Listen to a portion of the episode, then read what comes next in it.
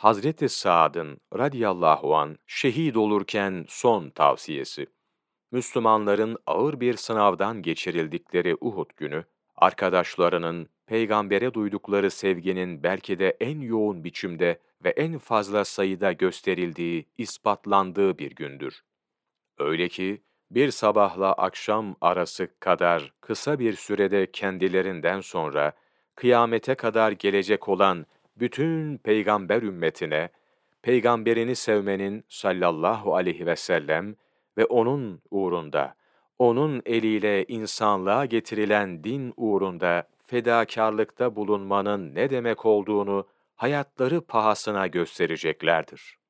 Medinelilerden Sa'd bin Rebi radıyallahu an daha Akabe'de Hazreti Peygamber'in elini sıkarak ona biat etmiş, muhacir kardeşlerine kucak açıp malının yarısını onlarla seve seve paylaşmış yiğit bir Müslümandır. Uhud günü de sevgisinin, bağlılığının, yiğitliğinin hakkını verir, kıyasıya çarpışır. Savaşın bitimine doğru 12 düşman askeri tarafından kuşatılır ve ölümcül bir biçimde yaralanır.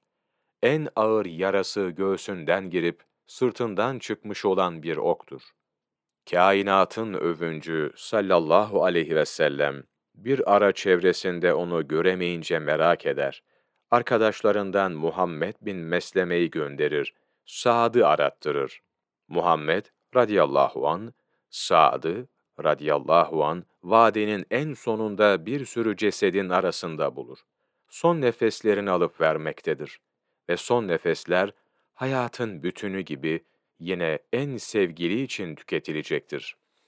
Allah'ın elçisine selamımı söyle ve de ki, ben şu anda cennetin kokusunu alıyorum. Arkadaşlarımıza da şunu söyle.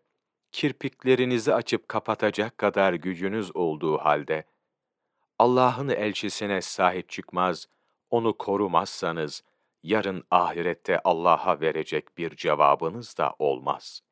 Sonra Saad'ın o güzel başı yana düşer. Radiyallahu an.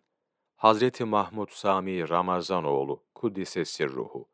Uhud Gazvesi. Sayfa 43. 29 Kasım Mevlana takvimi.